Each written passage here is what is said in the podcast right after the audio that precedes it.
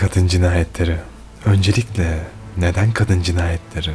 Bu cinayetlerde maktuller kadın diye mi? Hayır, o yüzden değil. Kadınlar kadın oldukları için öldürüldüğünden adı kadın cinayetleri. Hadi oradan mı diyorsun? Öldürüyor. Çünkü kadın aldatmış. Çünkü kadın otobüsteki adama göz süzmüş. Çünkü eve geç gelmiş. Çünkü kadın kahkahayla gülmüş. Çünkü kadın açık giyinmiş mi diyorsun? Öyle ya, sırf kadın diye biri öldürülür mü? Haklı veya haksız. Vardır bir sebebi mi diyorsun? Var.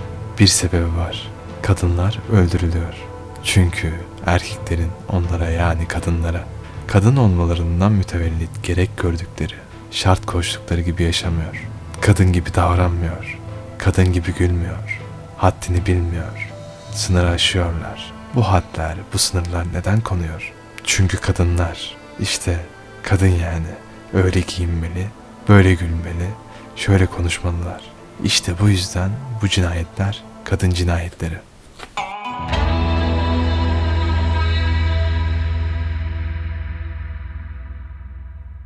İnsanlar değişime neden direnir? Değişim hayatın karşı konulmaz kuralıdır. Doğa içinde barındırdığı milyonlarca türü canlıyla birlikte her an durmaksızın değişir. Doğadaki canlıların hepsi varlıklarını değişebilme yeteneklerine borçludur. Değişime direnen canlılar elenir. Uyum gösteren soylarını devam ettirir. Doğanın kanunu böyledir. Toplumsal değişimde doğa kanunlarına benzer. Biz istesek de istemesek de içinde bulunduğumuz çevre, koşullar, ilişkilerimiz, konumumuz değişir. Hayat bizi sürekli değişime zorlar. Değişime uyum gösteremeyenler yok olurlar ama insan aklı değişimi kabullenmekte zorlanır. Çoğu insan içinde bulunduğu ortamı hiç değişmeyecekmiş gibi görür. Değişen koşullara uyum göstermek yerine mevcudu korumaya çalışır. Değişime direnir. Değişimi yönetmek için önce değişime karşı direncin arkasındaki nedenleri anlamak gerekir. Gerek insanlar gerekse şirketler için değişimin önünde en büyük engel alışkanlıklardır. Alışkanlıklar o kadar güçlüdür ki çoğu insan bunları aşmakta zorlanır. Değişimi yönetip başarılı olmak demek, insanın kendisini tutsak eden alışkanlıkların üstesinden gelebilmek demektir.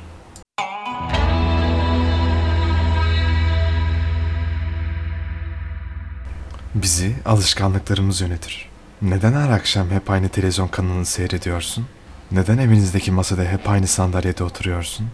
Sabah kalktığında davranışların neden hep aynı sırayı izliyor? Neden her gün bu davranışları bir tören kuralıymış gibi tekrarlıyorsun?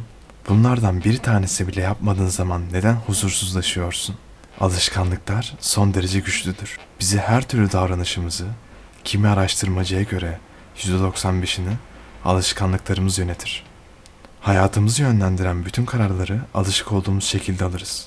Seçimlerimizin sadece yüzde beşi düşünerek yaparız. Hayatımızın büyük bölümünü düşünmeden yönetmek bize atalarımızdan kalmış milyonlarca yıllık bir mirastır.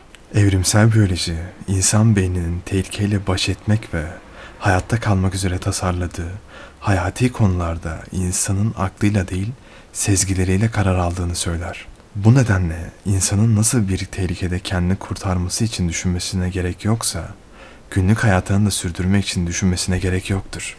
Hepimiz birçok konuda hiç düşünmeden zihnimizde oluşmuş kalıpları ve kısa yolları kullanarak karar alır ve harekete geçeriz.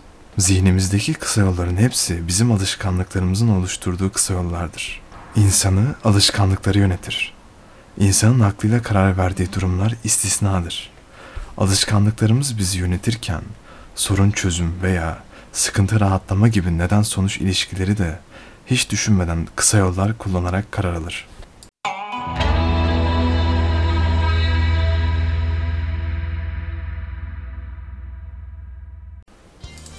Göçebe Radyo bitti. Instagram üzerinden beni takip ederek yeni bölümlerden haberdar olabilirsin. Beni nereden dinliyorsun bilmiyorum ama YouTube başta olmak üzere tüm podcast platformlarında varım.